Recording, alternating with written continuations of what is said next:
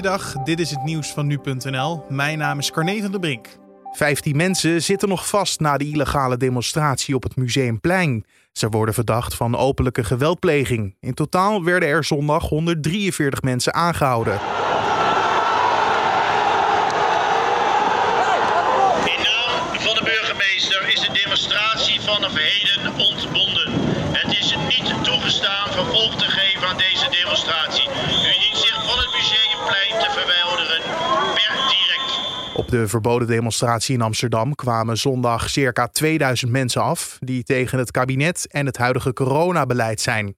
Toen zij geen gehoor gaven aan de oproep om het plein te verlaten, kwam de ME in actie om de actievoerders van het plein te drijven. Volgens de gemeente was onder de groep demonstranten een groep relschoppers die duidelijk uit waren op de confrontatie.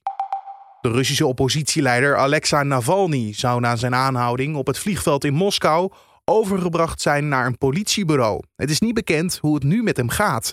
De Russische politie hield de activist zondag aan bij de paspoortcontrole. Hij kwam uit Duitsland, waar hij vijf maanden verbleef, na vergiftiging met het zenuwgif Novichok.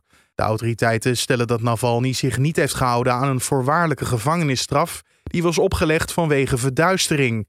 Hij dreigt nu alsnog voor jaren in de cel te verdwijnen. Op zijn arrestatie wordt vanuit het buitenland fors kritiek geuit. Het Outbreak Management Team zegt dat het van belang is dat het kabinet nu maatregelen neemt tegen de verdere verspreiding van het coronavirus en zodat mutaties kunnen worden ingedampt. De experts uiten in hun advies vooral hun zorgen over de Britse variant van het virus. Het OMT beschrijft de situatie rondom het coronavirus in het land op dit moment als kwetsbaar en uit zijn zorgen over de nieuwe varianten op de langere termijn. Als de verspreiding van de mutatie niet onder controle wordt gehouden, kan dat ervoor zorgen dat de huidige afname van de cijfers rond maart weer omslaat in een toename. Ruim vier maanden na de grote brand op vluchtelingenkamp Moria in Griekenland zijn nog altijd geen alleenstaande kinderen aangekomen in Nederland. Zo meldt NRC zondag. De vluchtelingen waren onderverdeeld in twee groepen: 50 alleenstaande kinderen, jonger dan 14 jaar, en 50 mensen die in gezinsverband komen. Van die laatste groep zijn er voor de kerst 49 aangekomen.